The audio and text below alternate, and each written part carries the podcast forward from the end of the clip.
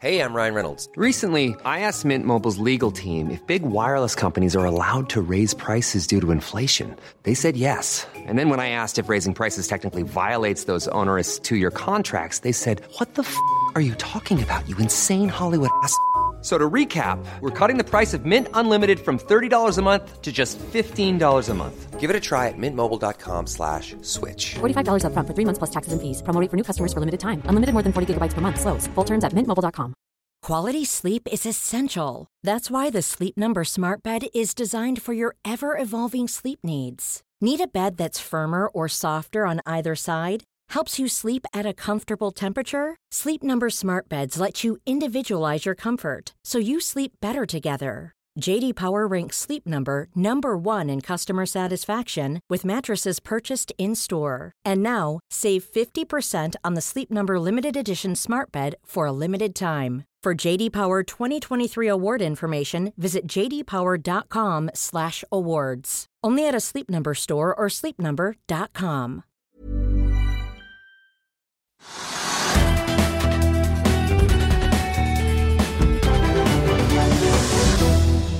Velkommen til Økonominyhetene. Det er blitt tirsdag 4. januar, der vi etter en oppgang på 0,82 i går og nye 0,2 i dag foreløpig kan si at børsen har steget i hele år.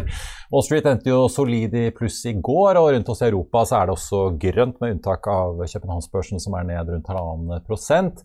Oljeprisen den er opp eh, svakt 0,3 til 79 dollar og 20 cent i spotmarkedet for nordsjøoljen, samtidig som det pågår et OPEC-møte. Den amerikanske lettoljen er også oppe og ligger på drøye 76 dollar fatet.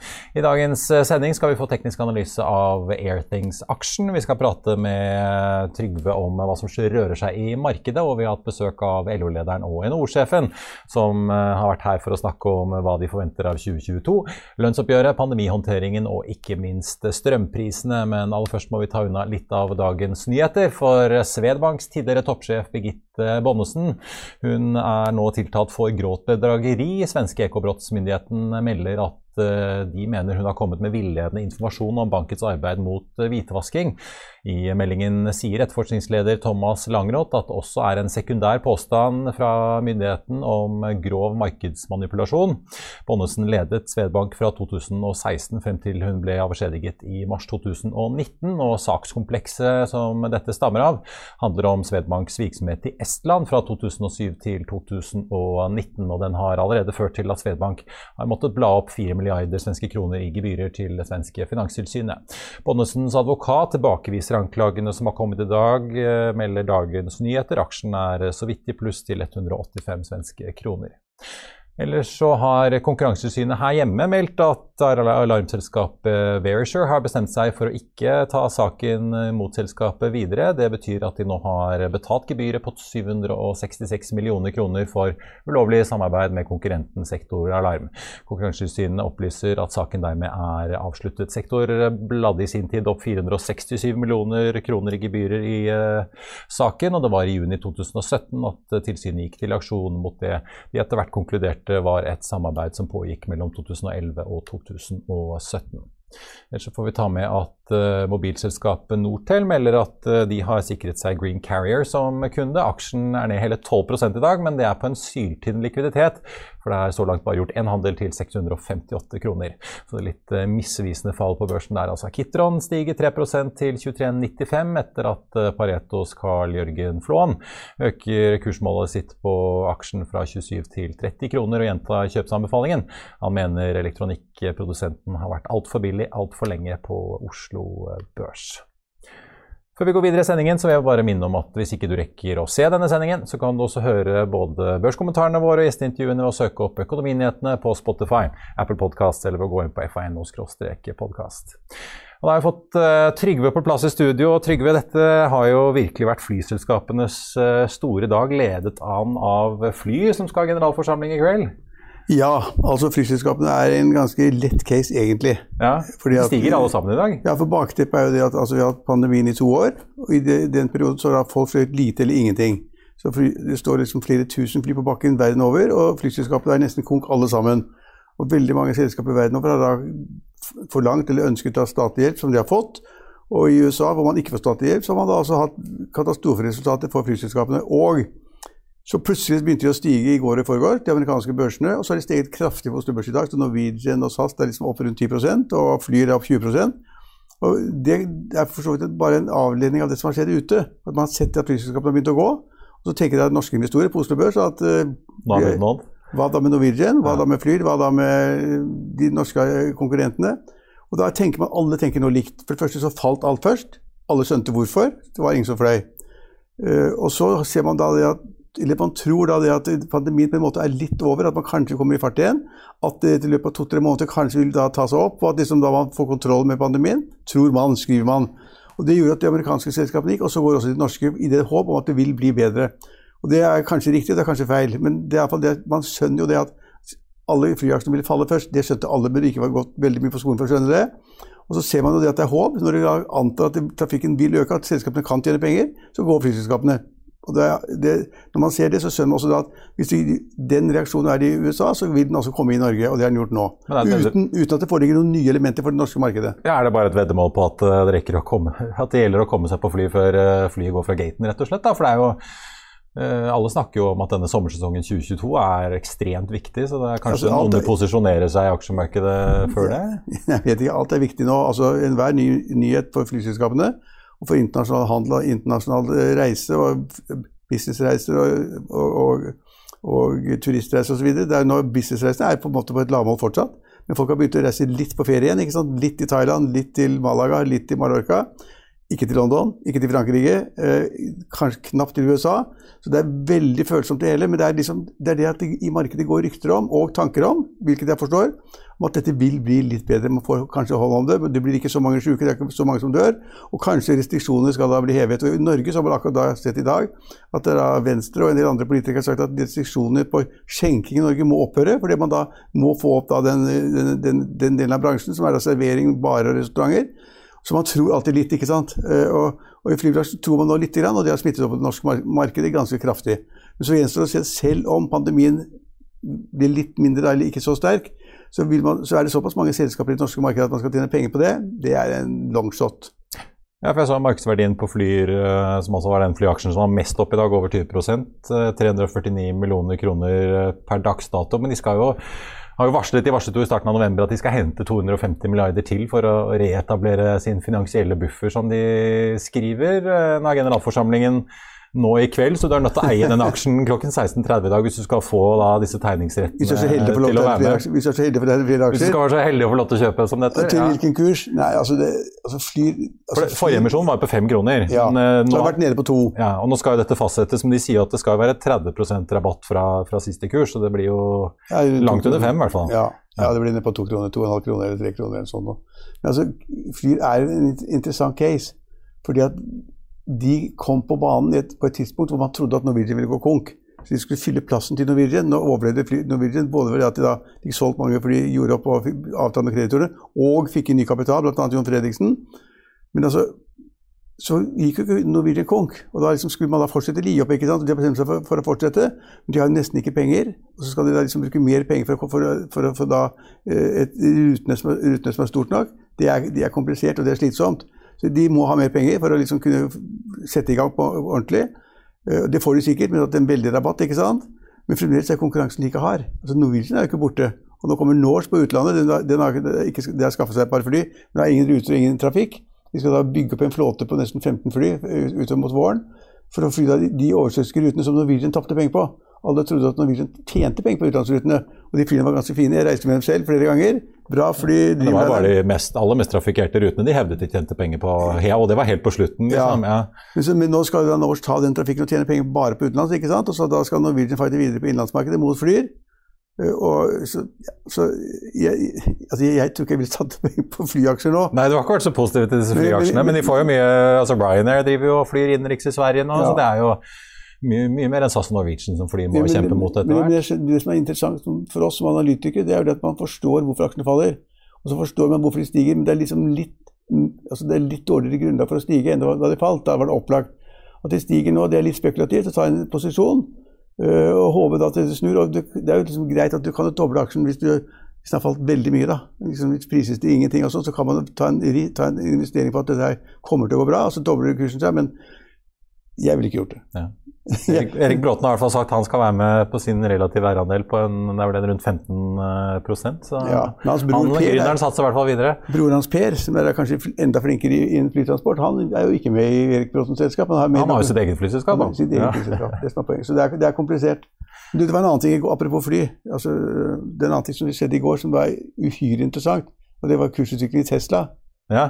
Altså, det er jo hvor mange nordmenn som har Tesla. Det er, eh, ja, det er nesten hver, hver mann sin Tesla. ja, Ja. det, er så mye Teslaer, og nå er jo, nå er jo da 80% av ny, ny, nybilsalget for personer er jo nå elbiler.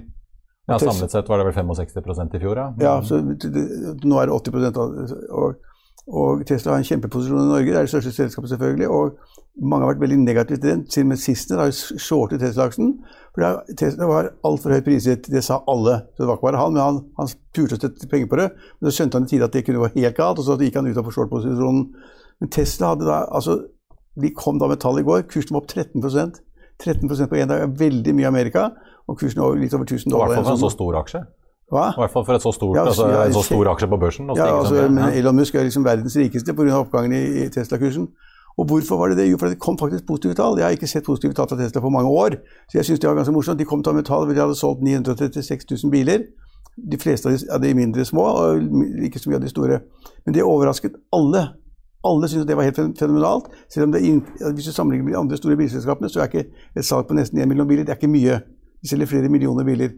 Men det ga det liksom kursen et løft. og Nå sier folk at liksom det, ja, det er ikke bare bilselskap, det er liksom software-selskap og det er alt mulig selskap. For de skjermene de har i bilen og, Ja, og ladenettverk og ja. Mm. Men, men, men, men så også er det så mange historier om folk som ikke kommer frem til hytta og husene sine pga. dårlig ladning og dårlige altså problemer med, så, med batteriene. Så det blir en tøff kamp i bilmarkedet fremover på elbilsiden.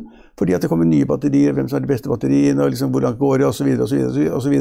Men det morsomme var at altså, det, alle ble overrasket. Og når alle ble overrasket, så klarte kursen å løfte seg 13 da jeg så på det i går kveld. Ja, så var det det var vel litt sånn overraskelse over at de ikke har blitt noe særlig rammet av, disse, av denne chipmangelen som rammer mange bilprodusenter Ja. også. Ja. Du ser jo det, det er jo mange elbiler du bestiller nå, så kan du kanskje få den levert i 2023.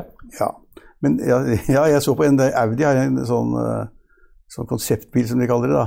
Det var jævlig lekker, men det, den kom jo ikke før om mange år. Men de sier at den skal gå 1000 km. Ja. Det hjelper. Men, det er, men det, altså, konkurransen i elbilmarkedet er kjempestor. Marginene kommer til å gå ned. for kommer til, Alle kommer til å bygge batterifabrikker, både bilselskapene selv og andre.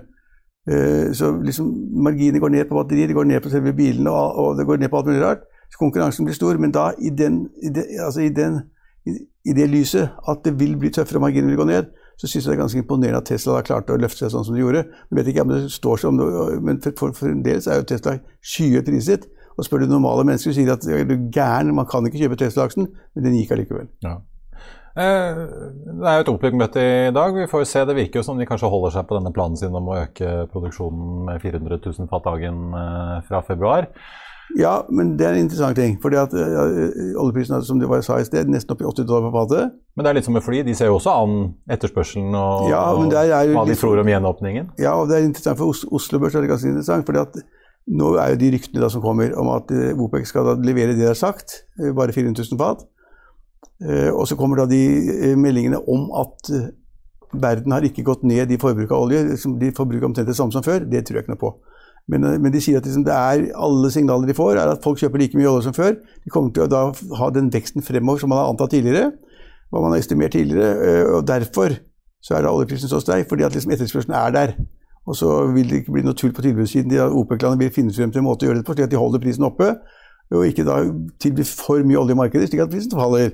Ganske enkle sammenhenger. Og nå tror det norske markedet, det er ganske interessant å se, analytikere, forvaltere og andre tror at oljeprisen kommer til å holde seg. Og hvis oljeprisen holder seg på det nivået, hvilke selskaper er det da som får den største gleden av det?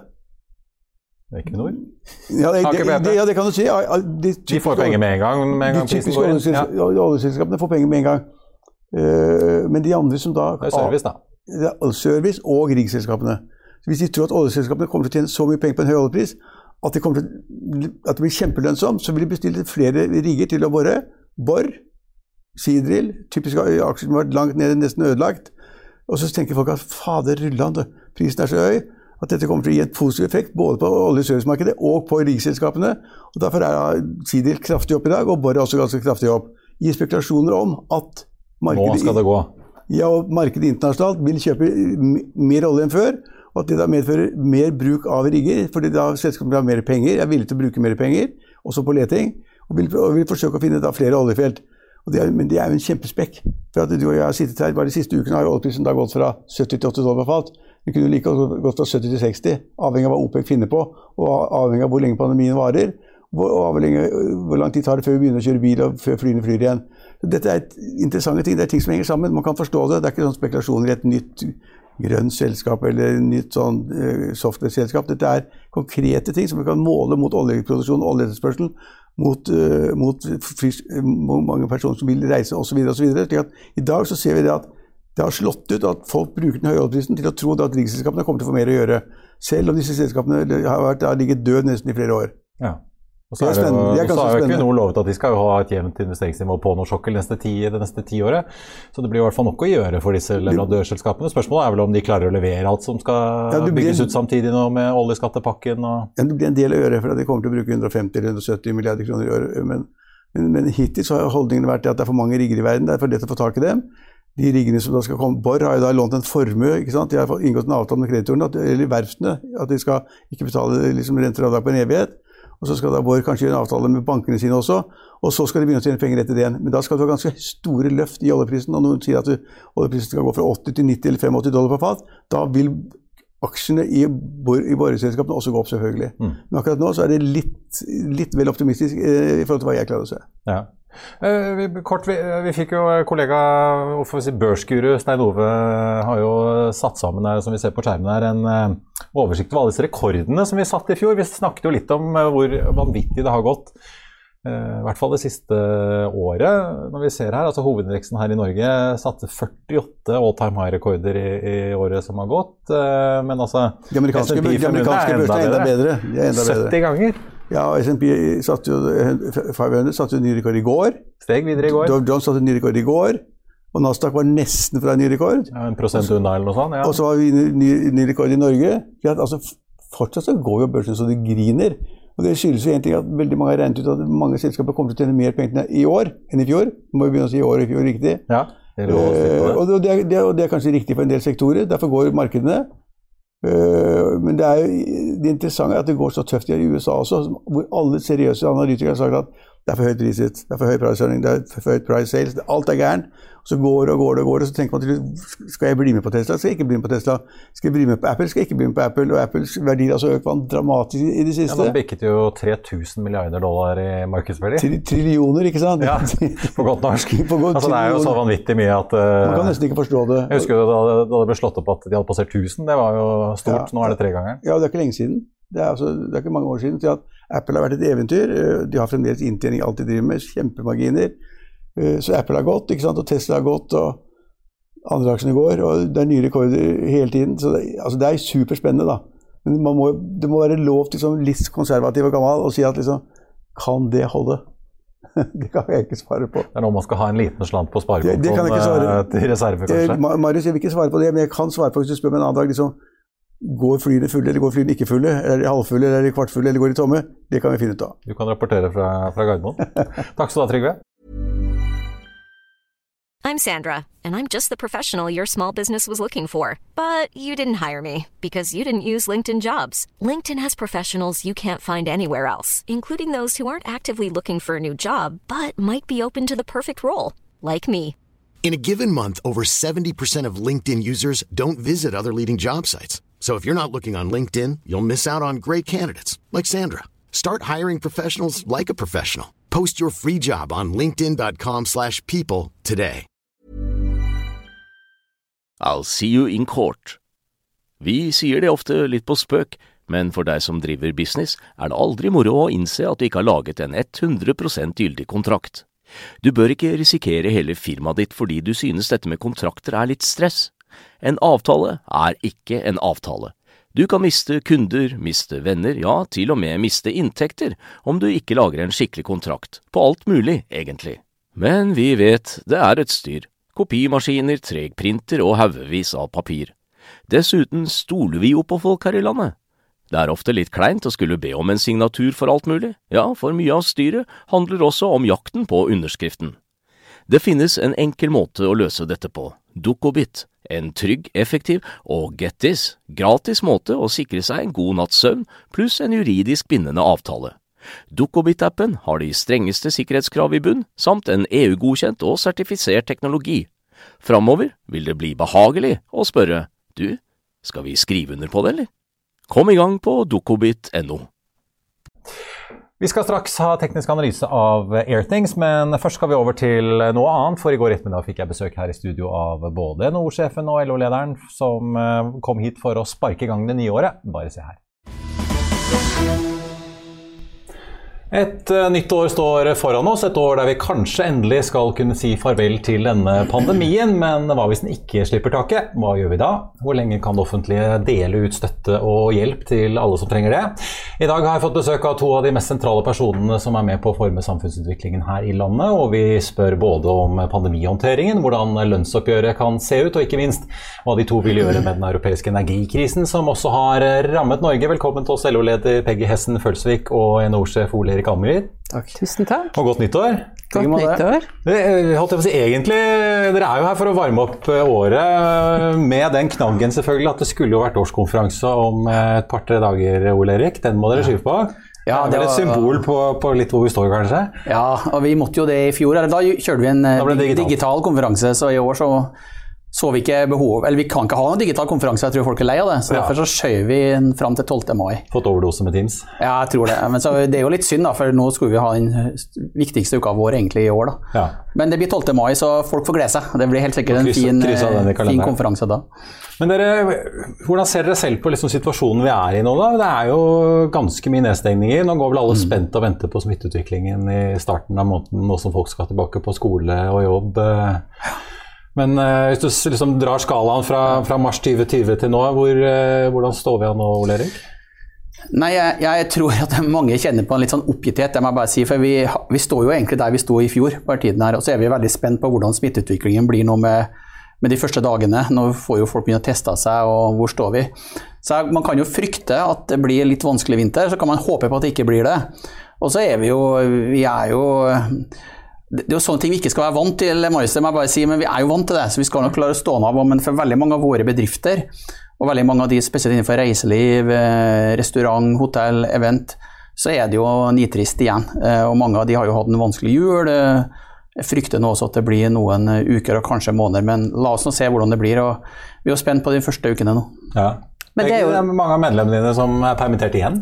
Eller ja. Som kanskje får lønnsstøtte, forhåpentligvis, da, ja, ja. å holde seg i aktivitet? Ja, fordi det er jo tross alt noen forskjeller i forhold til sånn som vi hadde det for et år siden. For det første så er jo mange flere av oss eh, vaksinert, og vi har mm. fått dose to, og mange også dose tre. Sånn at, eh, og, og samfunnet heller, er jo heller ikke stengt ned, sånn som det var i forrige runde. Skoler, barnehager er åpne. Så, og det er heller ikke sånn at alle nødt til å stenge av serveringsstedene våre. Så vi, så vi, er ikke på samme stadie som det vi var eh, for et år siden. Og det tenker jeg det må vi også huske på. Eh, og så må vi utnytte de mulighetene som det også gir oss. Men det er helt klart at for mange som nå går inn i jeg vet ikke hvilken runde det er med permitteringer og nedstengninger, så er dette helt tragisk. Og at det sliter på både humør og på eh, helsetilstand ellers. Det er helt klart at det gjør. Altså, det er vanskelig for mange. Vi skal se litt inn i det nye året. Mm. En ting jeg har bedt dere forberede dere på, er, er, å tenke litt rundt hvordan vi egentlig skal håndtere denne pandemien. I og med at ja, vi har jo holdt på så lenge. Mm. Eh, mange har vært permittert eller sendt hjem for uh, n-te gang. Mange bedrifter har måttet stenge ned for n-te gang. Mm. Hvor lenge kan vi holde på med disse her kortvarige krisepakkene som på en måte hele tiden øses ut? Ja, og når, på en måte, når må vi ja. si at dette er den nye normalen? For det første så er det sånn at jeg tror Peggy er inne på det, at det er, ja, det er ikke bare mørkt heller. ikke sant? Og det Store deler av norsk næringsliv går jo bra, det er viktig å si, og vi må ikke glemme det. Og så er det noen som er stengt ned pga. smitteverntiltak, de må få kompensasjon fordi at når staten med lov i hånd sier at du ikke kan drive, så må man få kompensasjon for det. Men ellers så håper jeg at vi kommer dit at vi kan lære oss å leve med det. Vi, du sa at vi håper at vi blir koronafritt eh, år, at vi mister Det tror jeg ikke. Koronaen kommer til å være med oss i mange år. At vi lærer oss å leve med det, at vi blir vaksinert, at vi får en tredje dose, og at vi klarer å håndtere dette på en ålreit måte. For vi kan, ikke, vi kan ikke ha det sånn at vi blir stengt ned mer eller mindre hver jul, eller på, på nyåret. Det kan, vi, nei. nei. det kan vi ikke mm. gjøre. Og det tror jeg egentlig alle sammen er forberedt på at det må vi, vi må komme dit at vi lærer oss å håndtere det på et vis. Og så hjelper det helt sikkert med tredje dose osv., men det kan jo komme nye varianter osv. Men vi må Og vi kan jo heller ikke leve av at staten skal betale bedrifter for å holde det gående.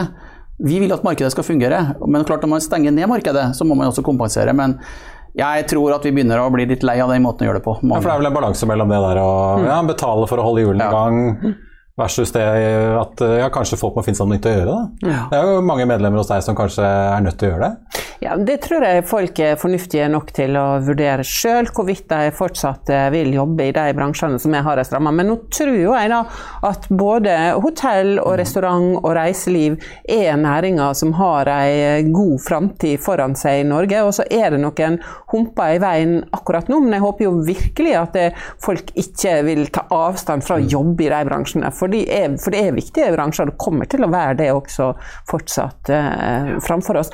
Men, men det som jeg er redd for at man liksom mister ja, Hvis man ikke fortsetter disse støtteordningene, så forvitrer reiselivsmiljøet på en måte i Norge? Altså Det med kompetanse og det at man har mista kompetanse, har jo vært en av de eh, tingene, de spørsmålene som vi har fått tilbakemeldinger mm. om akkurat nå i denne runden. At bedriftene har nå sett at de har mista viktig kompetanse. Nettopp fordi at eh, folk ikke tror at det egentlig er noe stabil framtid her, så de finner seg andre ting å gjøre. Og det er klart at Når en så stor bransje mister kjernekompetansen sin, så gjør ikke det noe enklere eh, framover.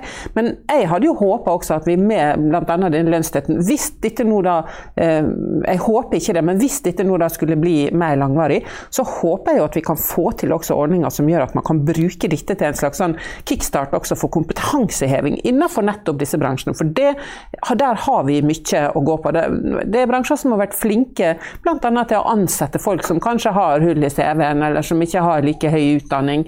Eh, og det å kunne fylle på eh, kompetanse i disse situasjonene her nå, det å ha et godt system for det, det er også noe som jeg tror vi må jobbe videre med framover. Gitt at dette her nå skulle strekke seg over lengre tid, og det håper jeg virkelig at det ikke gjør. Jeg håper at vi får en justering av tiltakene når vi kommer ut i januar nå, som gjør at det blir enklere også for disse bransjene å leve. Det ser ut som det blir tyngre å skru denne bryteren på av. Altså, arbeidsinnvandrere har dratt hjem mange. Du ser det på flere restauranter før nedstengingen som slet med å ha alle bordene dekket fordi de fikk ikke om folk.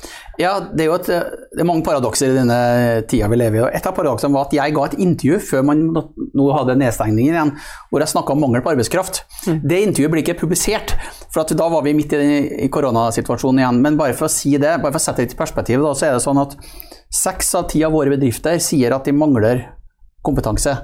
Og fire av ti sier at de er desperat på leting etter kompetanse fordi at man trenger det. Og klart at Vi kommer til å se det mindre arbeidsinnvandring fordi at de har mer å gjøre rundt uh, i Polen. Etterspørres de, det etterspørres i Europa. Så vi kommer til å mangle arbeidskraft. Men reiseliv, uteliv, alt dette er jo næringer som kommer til å vokse. For det er jo ikke sånn at uh, markedene svikta de. Det er det ikke. Vi så jo det når det gikk bra i høst. Så var det jo alle ville ut. Full kule på ja, ja, ja, så, så, så, dette er jo det, som er, ja. det er flinke folk som trenger å jobbe med flinke folk.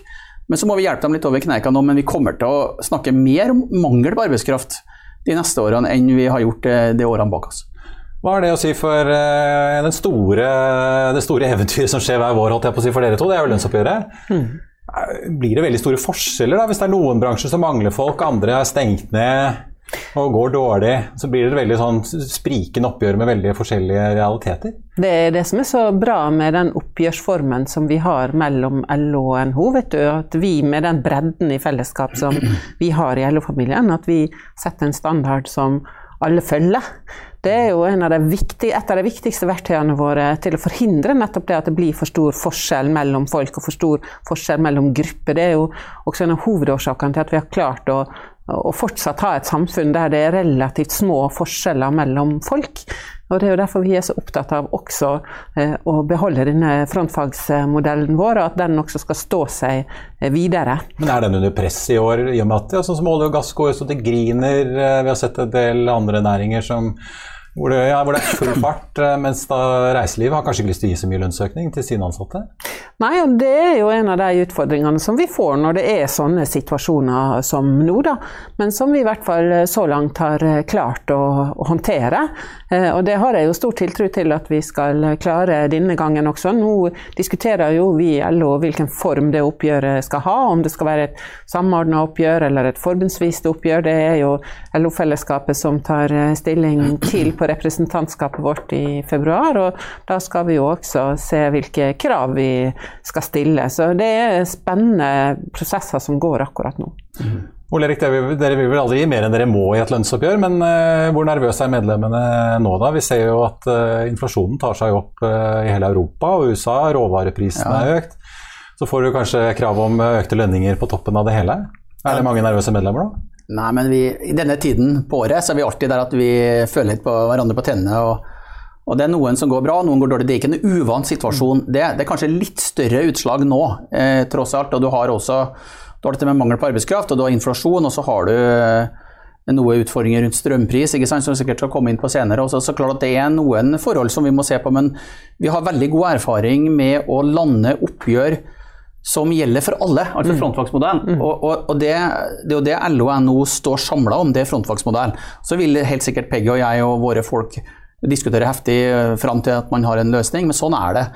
Jeg er veldig rolig på dette. Vi kommer, til å, vi kommer til å gjøre alt vi kan for å lande i år, om det kommer til å bli tøft. Sånn er det alltid. Og kanskje litt ekstra tøft i år, men eh, men eh, vi bruker veldig mye tid eh, i, jeg er gammel mediemann vet du, på å skrive, skrive, oss opp til oppgjørene. Ja, ja. Og så sitter vi og så kjører vi en liten hard runde, og så får vi se om vi får landa det. Jeg håper vi får landa det i år òg. Men kan vi se det, altså, Under Klondyke-nålnæringen for en tiår siden, ja. så drev jo den næringen og overvåket alle andre i lønn for å tiltrekke seg arbeidskraft. Kan vi se det igjen, at de næringene hvor det er veldig stor mangel og stort press og press på kapasiteten kan komme, være fristet til å overby andre, andre næringer. Men Det er jo det som er så bra med modellen vår. det At man setter seg ned eh, fra LO-siden og fra NHO-siden. Så får vi nå se hvilket oppgjørsform mm. det blir. Peggy.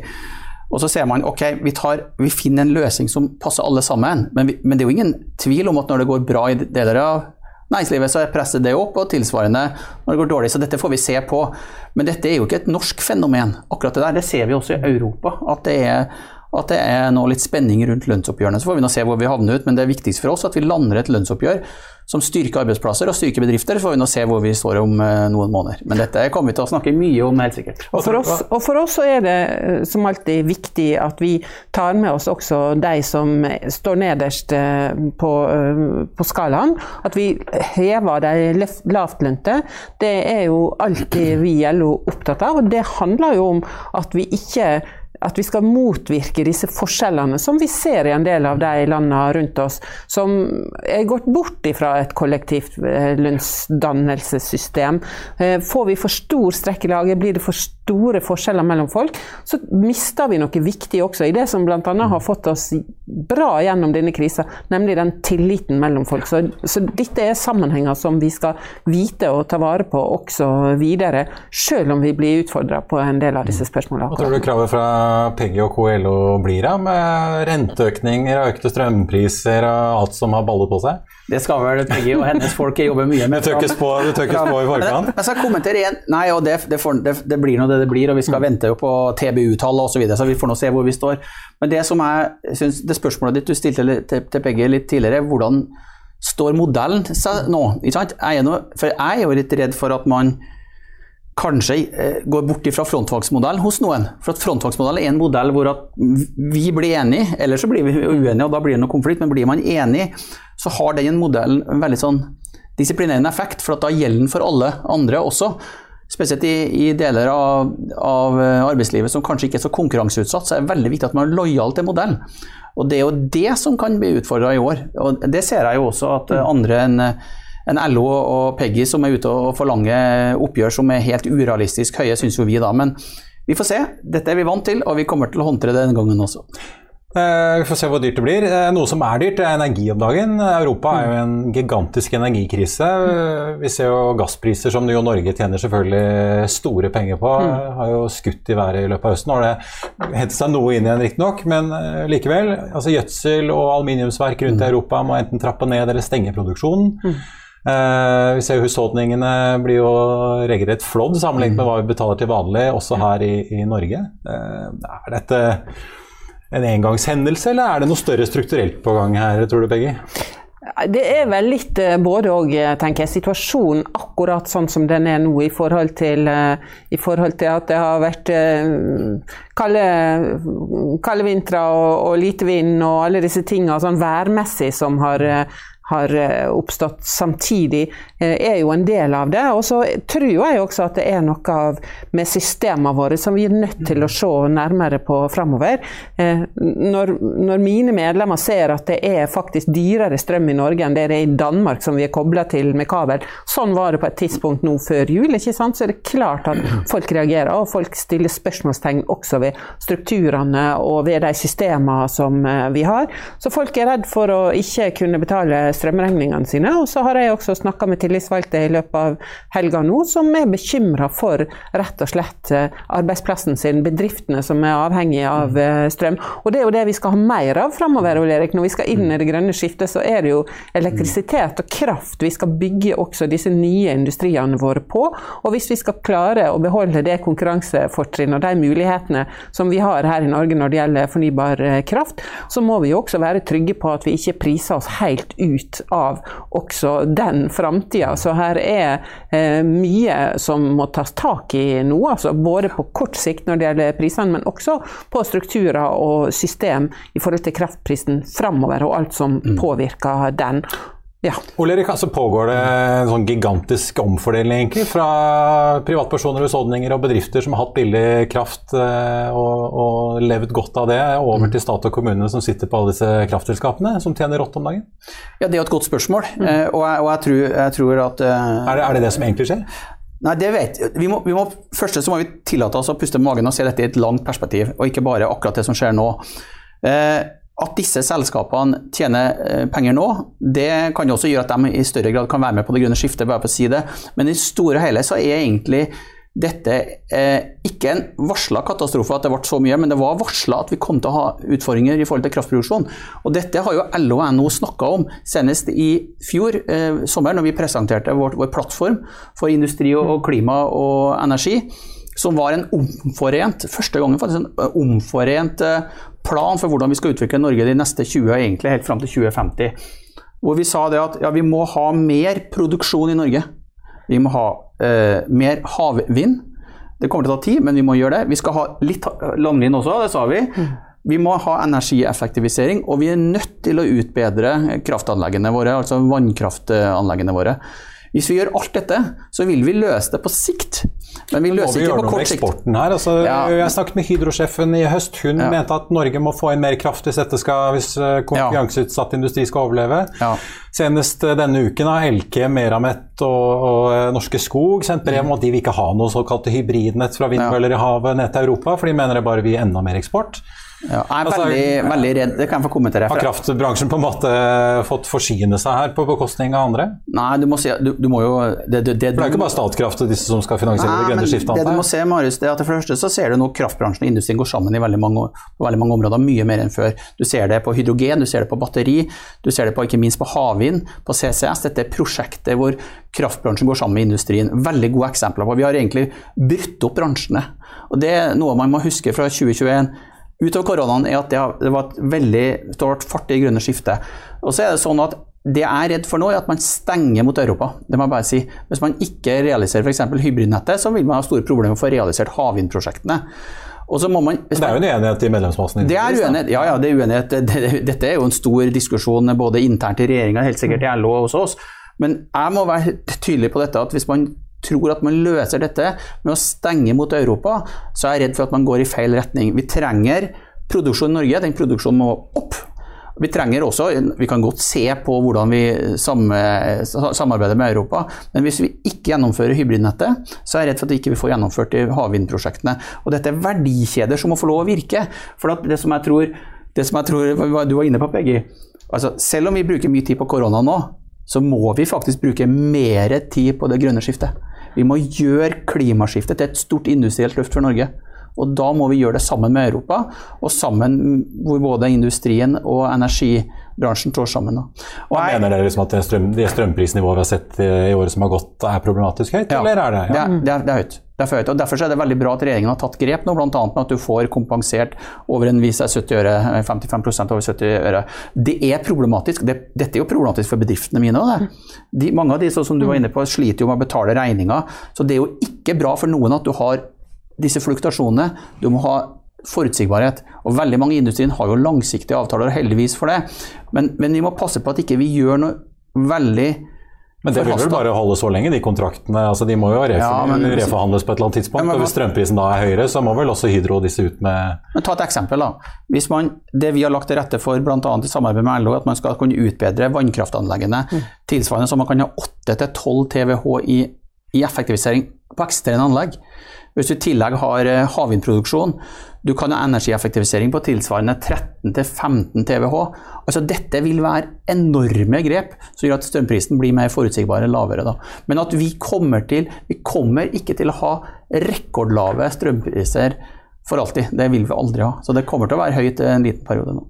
For dere i LO Peggy, så er dette viktig ikke bare for medlemmenes privatøkonomi, men også for arbeidsplassene de mm. Mm. skal ha, og i hvert fall hvis de skal overleve i fremtiden. Ja, eh, nå har det jo kommet én pakke som Ole Erik var inne på her, mm. hvor staten tar alle regningen over 70 øre. Eh, men dere krever en slags tiltakspakke 2.0. Hva, hva, er det dere ønsker dere? Er det mer langsiktige grep? Nei, nå var jo dette en god ordning som kom før jul, tenker jeg. Og den er det ulike Du kan skru på den på ulike måter. Du kan øke holdt jeg på å si, kronene, og du kan øke satsene, og du kan uh, se på prosentene. Så det vi er, er ute etter, er at her må regjeringa være tett på hele tida nå og følge med. Det er mange som sitter hjemme nå og er bekymra rett og slett for om de klarer å betale strømregningene sine når vi kommer ut på vinteren. Så her må de være klar til å skru på de knappene som er nødvendig framover. Og så blir det jo også viktig nå å få fort i gang denne her energikommisjonen som de har eh, snakka om, som kan gå inn i disse spørsmålene som vi er inne på her. Hva er det som gjør, hva er det som ligger i systemene våre, hva er det som ligger i, i overføringa til utlandet som gjør at vi får disse store svingningene nå. Og, og hvordan skal vi håndtere det både på kort sikt, men også på lang sikt, mm. sånn at vi kan gå inn i den omstillinga som eh, vi har jobba sammen om da. Eh, kraft kommer jo til å være det viktigste, den viktigste faktoren i det grønne skiftet, og vi må jo utnytte de fordelene som vi har, og som vi skal ha videre også med fornybar kraft i dette landet. For du vil også ha, på en måte beholde den prisfordelen vi har hatt i Norge, da? Ja, det kommer jo til. Og det at vi har fornybar kraft, ikke sant? det tror jeg er kanskje det aller, aller viktigste. Men det er et fordelingsspørsmål. Altså, mener du at vi også, ikke bare nå i år, men også fremover, bør ha en slags sikkerhetsventil som omfordeler tilbake til eh, privatpersoner, husholdninger og bedrifter når prisen stiger så mye som den har gjort nå? Vi har ikke gått inn i detaljer om hvordan dette skal løses. Jeg tenker vi må få litt mer erfaring og litt mer kunnskap rundt disse spørsmålene før vi har detaljene i det. Men at de nå er tett på fra myndighetene sin side, og at de starter den jobben som både må være kortsiktig, men ikke minst langsiktig. At vi ikke nå sitter og venter, men at vi kommer i gang med det arbeidet Helst, helst, i morgen. Det håper jeg virkelig. Vi skal være med og bidra. Mer kraft, eh, Ole Erik, rett og Ja, nei, bare for å ta det, veldig, det, det at vi har ren kraft, mm. det er vårt største fortrinn. Vi skal også ha billig kraft, men ren kraft, veldig viktig. At vi kan ta gassen etter hvert og gjøre den til blå hydrogen, veldig viktig. Så vi har mange fortrinn på å løse klimautfordringene og i tillegg være konkurransedyktige på kraft. På kraft bl.a. for å sikre at husholdninger og bedrifter har en forutsigbarhet rundt det. Men bare si én ting. Kraft og energi det er langsiktige politiske grep. Så, så, er, så, er, jeg så enig med Peggy at her bør vi sette oss ned i dag, eller i hvert fall i løpet av kort tid. Energikommisjonen skal se på det. Men vi har jo, vi har jo tatt en ledelse på dette sammen med LO, og det skal vi gjøre fortsatt. For å se hva skal vi gjøre på de ulike områdene. For at kraft- og energidiskusjon har gått ifra for noen år siden til å være egentlig horisontal til å bli veldig vertikalt. Du, du har slutta å samle planer. Da. Du må ha en veldig bred tilnærming til det. og Der opplever jeg at vi har god dialog både med storting og regjering på det. Men da må man ikke gjøre dette til en populistisk politisk eh, debatt eh, fra dag til dag, som jeg syns eh, de siste ukene har vært preg av. Vi må løse dette på lang sikt. Kanskje en fordel for AS Norge at det ser ut som EU-kommisjonen vil innlemme naturgass i taksonomien, i hvert fall i en overgangsfase likevel. Da blir det kanskje litt uh, mer gass å selge? Ja, du ser det. Du ser at atomkraft kommer til å komme. Det kan man jo mene mye om. Men naturgassen, eller gassen vår, Det ser jo ikke ut til at den forsvinner med det første. Nei, nei, nei. nei. Og den kommer, jo i tillegg kobla mot CCS, så vil, vi kunne, så vil vi kunne leve lenge eh, på gassen vår. Og Det viser også at det er, ny, det er nyanser i disse diskusjonene. Europa vil ha norsk naturgass, og det er klart at de skal få det. Og det skal de få enten i form av naturgass eller, eller vanlig gass, da, eller i form av blå hydrogen.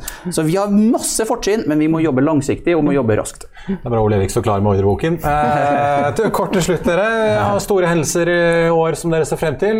Utsatt LO-kongress, som egentlig skulle vært i fjor. Egentlig skulle den vært i fjor, nå skal den være. Den skal være i månedsskiftet mai-juni, så det ser vi frem til. Det er jo vårt største politiske verksted, som egentlig finner sted hvert fjerde år og skal legge politikken vår for den neste perioden. Så det håper, tror vi nå, blir i, i månedsskiftet mai-juni. Ja. Og så blir det lønnsoppgjør, og er det noe annet du venter på? Statsbudsjettet, kanskje? Ja, men jeg venter jo på årskonferansen vår, så, Ja, den som skal vi være i skal ha i uka her. Så den blir jo har dere litt å sysle med begge to til Ja, ja, 12. 12. mai, men det er mye som skal skje. Så jeg håper jo at vi husker det året her som det store grønne energiindustriåret også. Ja. Så jeg tror dette kan bli et bra år. Litt humpete på noen områder, men bra. Vi får satse på at uh, sentralbanksjef Øystein Olsen spådom om at det blir en liten fartsdump i første kvartal, og så blir det full fart etter det treffer. Får gjøre det. LO-leder Peggy Essen Følsvik og NHO-sjef Ole Erik Almøy, tusen takk for at dere kom, og fortsatt godt nytt år. I like måte. Takk. Da skal vi ta med at det har kommet en melding fra boligriksselskapet Prosafe om at det blir en ekstraordinær generalforsamling den 25. januar klokken 09.00, der man i all hovedsak skal behandle spørsmålet om man skal spleise aksjen 1000 til 1. Eh, Prosafe gjennomfører jo nå en stor eh, restrukturering av selskapet. Den ble godkjent 9.11, der eh, gjelden skal reduseres fra 1,5 milliarder til 343 millioner dollar. I tillegg eh, til at det skal gis en selgekreditt fra Kosko-verftet. Mye av gjelden som eh, forsvinner i gåsehud, blir jo gjort om til egenkapital, og kreditorene blir sittende igjen med 99% av selskapet. Dagens eiere blir sittende igjen med 1% Og så skal vi ta en liten oppdatering på utviklingen på Oslo Børs. Hovedindeksen var jo opp eh, 0,2 litt tidligere i dag, og er nå opp 0,33% så da ser det ut som det blir en eh, ganske så solid eh, dag to i 2022. Eh, Se på listen over de mest omsatte aksjene, så er det Equinor og Hydro. Annet som bidrar eh, med en oppgang på henholdsvis 1,1 og 2,3 Aker BP trekker litt andre veien ned 1 Ellers så må vi jo også nevne disse famøse flyaksjene. da. Flyr er opp eh, 18,5% var opp over 20 i dag. I dag er jo da siste dagen eh, man må sitte på aksjen for å få tegningsrettigheter i emisjonen i flyselskapet, på, der man altså skal hente inn 250 millioner kroner til i ytterligere kapital. Norwegian er opp 8,3% SAS opp 12,9 Norse Atlantic var opp en halvannen prosent tidligere og er nå ned 0,8 Ellers så eh, går det bra i rigg, som Trygve var inne på tidligere. Jon Fredriksen Sidril er opp hele 16 i dag. Tor Olav Trøims eh, konkurrent eh, Bård Drilling er opp 7,9 i Finansavisen i morgen kan du lese Trygve Hegnars leder om floskler, en professor og milliardsubsidier til grådige bolighaier. Du kan lese om verdens mest kjente duckboot, som gikk fra konkurs til milliardbutikk. Og du kan lese om Sverre Jørgen Tidemann, som har solgt unna en rekke Belship-aksjer, men som sier han ikke skal selge seg helt ut av rederiet. Det var det vi hadde for i dag, men vi er tilbake i morgen klokken 14.30. Og da må du følge med, for da skal vi servere deg ferske, rykende ferske boligpristall for desember og 2021. Og vi får besøk av Semo Johnsens sjef Kristoffer Ascher, som skal dele sine forventninger for eiendomsåret 2022.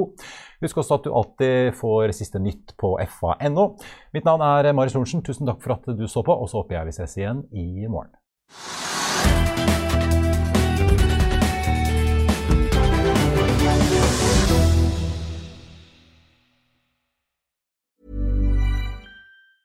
Hi, I'm Daniel, founder of Pretty Litter. Did you know cats tend to hide symptoms of sickness and pain? I learned this the hard way after losing my cat, Gingy. So I created Pretty Litter, a health monitoring litter that helps detect early signs of illness by changing colors, saving you money and potentially your cat's life. Pretty Litter is veterinarian developed, and it's the easiest way to keep tabs on your fur baby's health right at home. Go to prettylitter.com and use code ACAST for 20% off your first order and a free cat toy. Terms and conditions apply. See site for details. Økonominyhetene er en podkast fra Finansavisen. Programledere er Marius Lorentzen, Stein Ove Haugen og Benedikte Storm Bamvik. Produsenter er Lars Brenden Skram og Bashar Johar. Og ansvarlig redaktør er Trygve Hegnar.